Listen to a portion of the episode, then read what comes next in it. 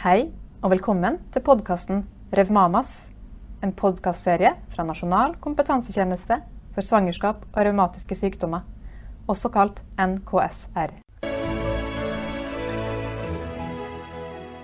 Hei og velkommen. I dag er temaet prioriteringer i hverdagen. Og Vi som skal ta opp dette temaet, det er meg, som heter Jorunn Uleberg. Jeg er ergoterapeut her ved St. Olavs hospital. Og sammen med meg så har jeg Amari Skog. Hun er brukerrepresentant og har god erfaring fra det å ha revmatisk sykdom og ha små barn. I dag så skal vi snakke om det her prioriteringa i hverdagen. Det er et viktig tema for personer som har revmatisk sykdom og venter barn, eller har små barn. Jeg skal snakke litt om det her med energiøkonomisering, og hvordan en kan tenke på å fordele energien sin i hverdagen. Dette gjelder jo egentlig både under svangerskapet og etter fødsel.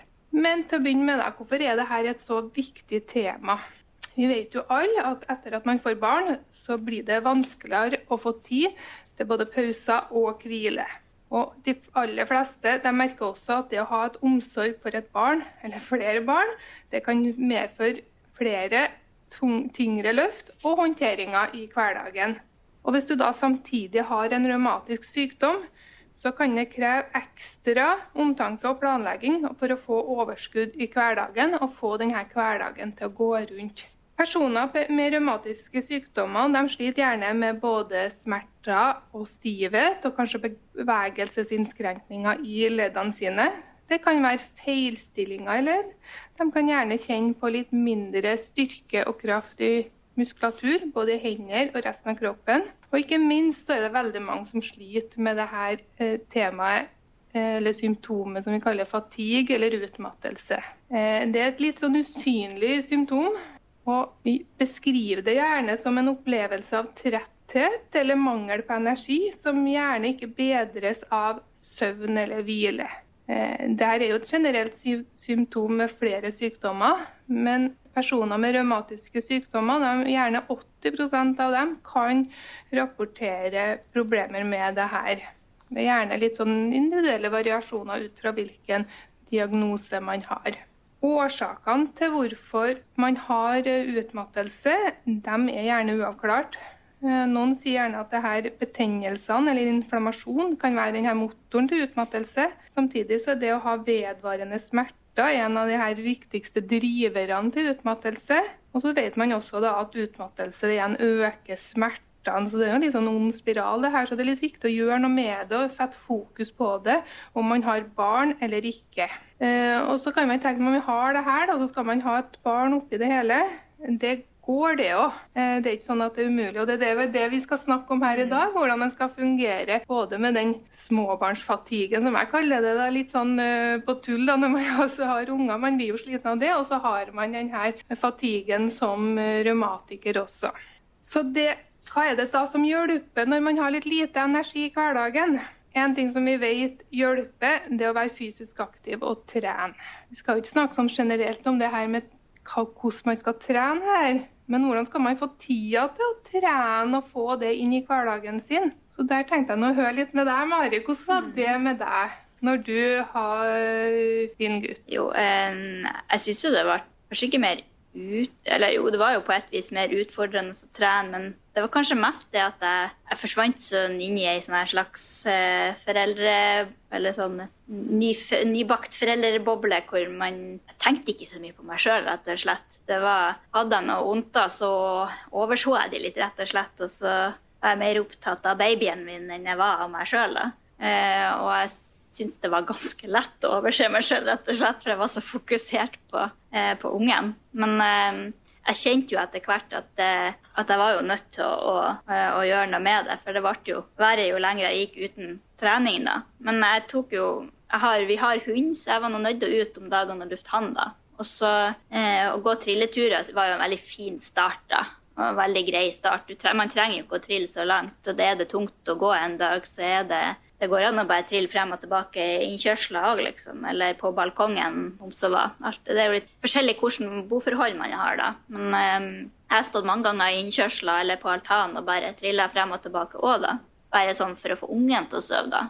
Um, jeg er jo veldig glad i å være ute i, i skog og mark, da, så jeg har jo tatt med meg hund og gått turer. Sånn. Det, jeg syns ofte det har vært letteste måten å komme i gang på, for min del i hvert fall. For det, det går opp og ned i perioder hvor flink jeg har vært å, å trene. Og starten når du har hatt et langt opphold, det er alltid tungt å komme i gang. Og spesielt kanskje første måned eller første halvannen måned òg er, er, ekstra tung. Det er da kan man gjerne tenke at du, denne måneden så er det greit om huset er, ikke ser ut og det blir mye hybelkaniner, det er rotete. Det er helt greit det for å komme seg over den der kneika til du liksom kommer litt ovenpå igjen eh, med trening, at kroppen kommer seg litt.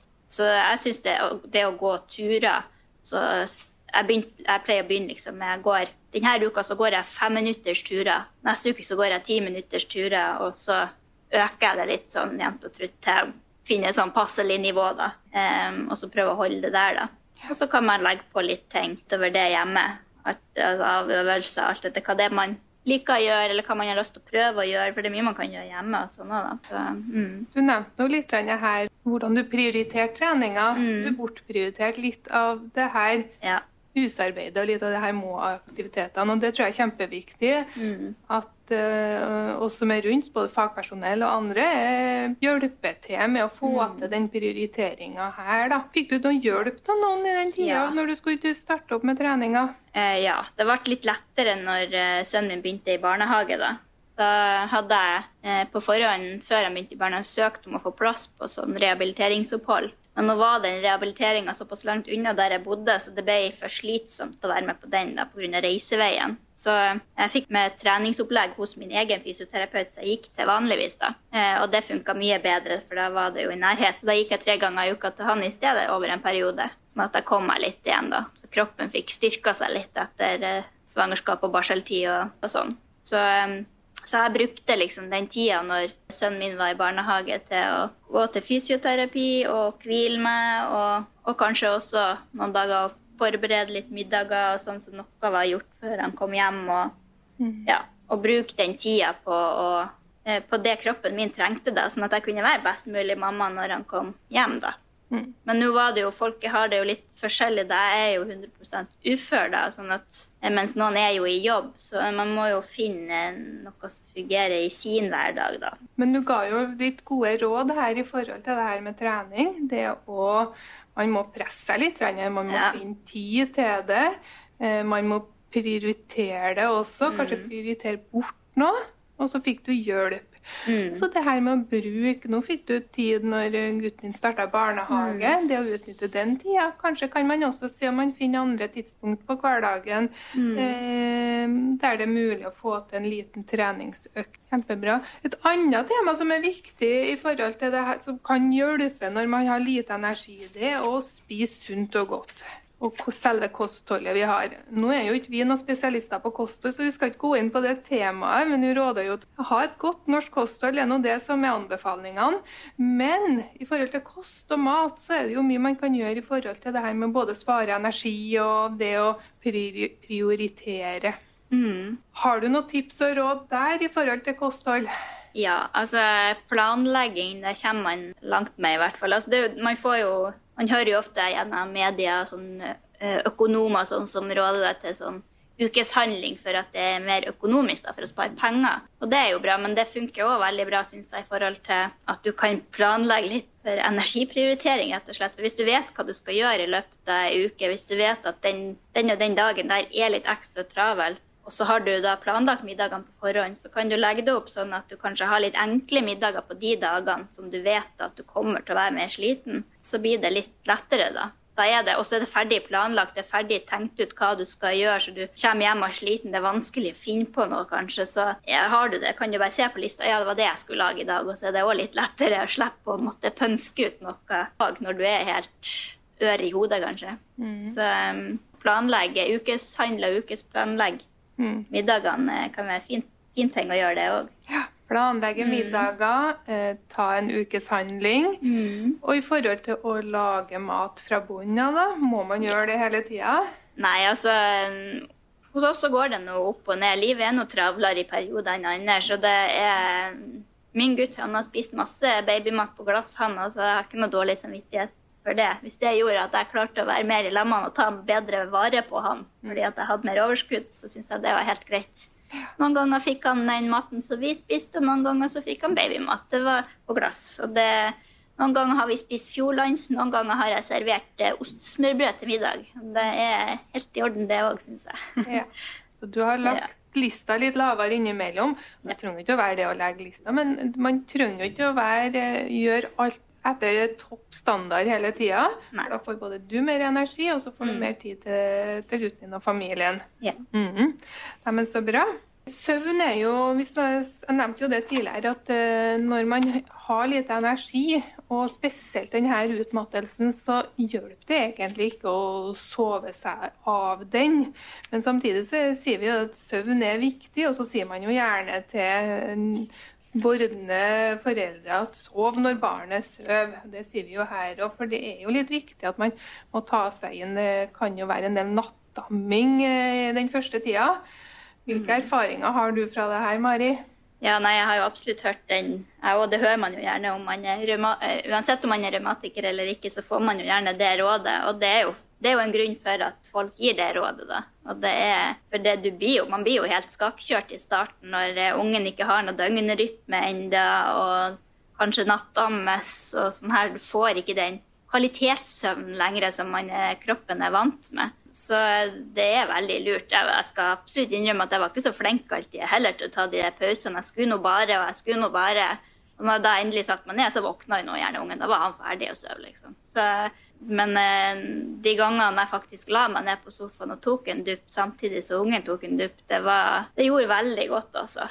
Men jeg skjønner jo at det, alltid, det er jo ikke alltid det er mulig. Men noen ganger har man jo ting man må gjøre. Men man kan jo tenke gjennom om det man bare skal, er noe man må gjøre.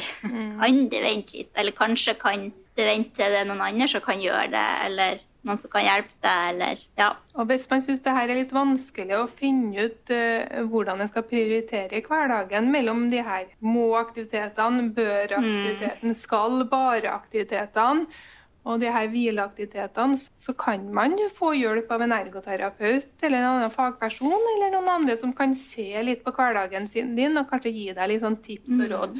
For noen ganger så ser man ikke helt sjøl, så det å få noen andre til å på en måte litt analysere hverdagen da, og se om kan du gjøre ting på en litt annen måte? Kan du gjøre ting på andre tidspunkt? Akkurat denne sovinga når barnet sover, den tror vi er kjempelur. Så det er veldig lurt, sånn som du sier. Kanskje legge bort det her husarbeidet da. Det kan du kanskje gjøre senere. Eller la det ligge til partneren kommer tilbake fra jobb. Mm. Og også det her med samsoving og sånn. Altså, jeg syns det var en sånn vanskelig bit. For det, når, en ting er når de er baby og natta, men, men så etter hvert så flytter de nå kanskje inn på Vår sønn han flytta nå inn på eget rom etter hvert. Og så, når han ble så stor at han klarte å klatre ut av senga sjøl, så kom han jo inn til oss i løpet av natta. Det var jo veldig, det er utrolig koselig det der å kjenne en liten kropp som kryper inntil deg. Du kan virkelig kjenne det at de syns det er godt å komme inntil deg, at det er trygt for dem. Og, og sånn, og det er jo en kjempegod følelse eh, å kjenne på. Men jeg kjente jo òg at jeg ble veldig anspent. Jeg fikk, det ble veldig trangt i senga når vi plutselig var tre stykker der. Og eh, han lå i alle retningene når han sov. Så nei, jeg våkna opp og var utslitt og hadde vondt i kroppen og så, Det pågikk egentlig ganske så lenge hos oss før jeg innså at det her, det her går jo ikke an. Jeg, jeg fikk det mye bedre helsemessig, rett og slett, når vi fant ut at vi må bare ta den kampen og, og si at han kan ikke sove i senga eller med oss om nettene. For det, det var mye bedre for alle parter når jeg fungerte bedre. For det gikk veldig utover humør og alt når jeg var så sliten hele tida hver morgen. Det, så det må man jo vurdere, da, for de som gjør det. og hvordan de, Men alle har jo litt forskjellige rutiner og hva man gjør, og hva som fungerer, da.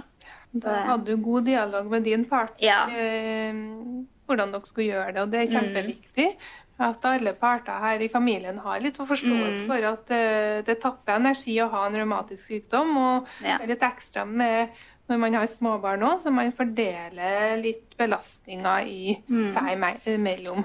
Ja. Andre praktiske råd vi kan gi i forhold til det her med prioriteringer, det er jo Man kan jo gjøre noen sånn fysiske endringer i hverdagen for å spare energi.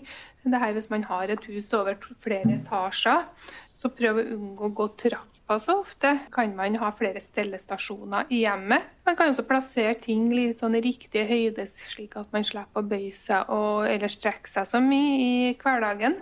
Dele opp arbeidsoppgavene man skal gjøre.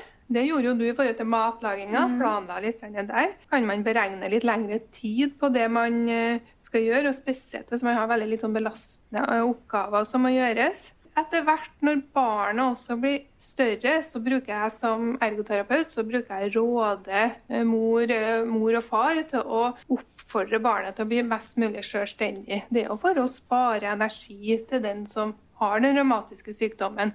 For unger kan være ganske selvstendige, og så kan de bli opplært til å bli vant til både å bli løfta opp og bli kledd på. Men vi vet jo at i barnehagene så klarer de mye av det her sjøl. Mm. Fordi de får beskjed om å gjøre det. Og det. Tenker at de skal også klare hjemme. Så sparer man mm. den som har de revmatiske plagene. Og jeg tenker òg å være åpen med de rundt deg hva du trenger hjelp til, at du kanskje trenger hjelp av og til. Vi gjorde, når eh, sønnen vår begynte i barnehagen, så snakka jeg med dem om det at jeg hadde en revmatisk sykdom. Og noen dager når jeg henter han, så jeg har blant, annet, kanskje aller mest plaga i hendene mine. Så noen ganger så hjalp de meg å kle av og på han. Og Kanskje han måtte skifte bleie akkurat det jeg henta han. og Da spurte jeg noen ganger om de kunne gjøre det for meg. Og det er klart, Jeg syntes det var sårt når han gjerne ville bli båret ut i bilen, men jeg var nødt til å si at i dag så går det ikke, vennen. Vi kan holde i handa, men jeg klarer ikke å bære det. Mm. Så han, var, han, måtte på en måte lære seg at han måtte krabbe opp i fanget i stedet for å løftes opp og litt sånt. Det var helt nødvendig for oss at han gjorde det. Så de blir jo veldig selvstendige små mm. personer da, når de lærer, må lære seg mye sjøl òg. Mm. Så det er jo, man blir jo litt stolt av de òg, når man ser hvor mye de kan. Ja. Og Her ga du jo gode eksempler på mm. at du ba om hjelp fra dem i barnehagen. og det mm. tenker jeg som som fagperson rundt at det er viktig mm. å oppfordre til å finne hjelp. Man trenger ikke å være superhelt når man skal ha småunger. Man trenger ikke å være den supermamma og superpappa som klarer alt. Mm. For barnet ditt så er du uansett supermamma og superpappa. Mm. Det er viktig. Men man trenger ikke å gjøre alt helt perfekt. og man, det er lov til å spørre om hjelp, om det er til mm. familie eller venner. Så det, eh, får man hjelp, så kan det lette hverdagen veldig masse. Også nå har vi snakka mye som man må passe på. Og så tenker jeg Det som er litt viktig, det er etter hvert mye man skal passe på. Men det er kjempeviktig å huske på å være litt, å være litt spontan i hverdagen og gjøre ting som gir deg litt energi også. Vi må ikke glemme de her små energikapslene i hverdagen vår som, på, som, fyller på energilagrene våre, så det ikke blir bare sånn må- og bør-oppgaver hele tida. Vi må også ha tida til, eller sette av tid til å ha det litt fint og få påfyll i hverdagen. Mm. Har du noen eksempler på det, du Mari, hva du har gjort for å få fylt på litt de her energilagrene? Ja, altså, her er jo alle veldig forskjellige hva som gir det med energi, hva man liker å gjøre. Men jeg syns det er veldig godt å komme seg ut. Sånn, jeg er vokst opp med friluftsliv og jakt og sånn, så jeg syns det å komme ut i skog og mark er jo, synes jo jeg er veldig godt. Eller å sette seg ned med noe håndarbeid når jeg klarer det, syns jeg er veldig koselig, da eller lese bøker, eller kanskje også bare ligge på sofaen og slappe av eh, alene litt sånn her. Og så er det jo det å få litt kjærestetid òg, kan jo òg gi gir veldig mye, da. Så om man har anledning til å skaffe seg barnevakt, eller, eller når ungen har lagt seg, at man tar seg tida til å være i lag litt mm. um, også. For det er nå sikkert også en del som gjør det sånn så snart ungen har lagt seg, da skal man begynne å gjøre alt som må gjøres. Mm. Som man ikke rekker å gjøre når ungen er våken, og husarbeid og ditten og datten. Men uh, kanskje man også skal ta seg tida innimellom til å være litt i lag. Ja.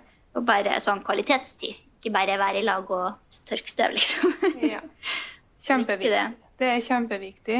Nei, skal vi mm. oppsummere litt det her vi har snakka om i dag? Det er viktig å prioritere hva du gjør i hverdagen. Prøve å skille litt mellom hva man må gjøre, hva man bør gjøre, hva som er påfyllsaktiviteter. Gjerne som man får til å flytte påfyllsaktivitetene kanskje noen gang før de her bør-aktivitetene. De må prioriteres noen gang litt høyere opp på lista. Eh, viktig å få søvn, få til den treninga også. Ja, Mm. Og, ha, og nyte tida også. Ja.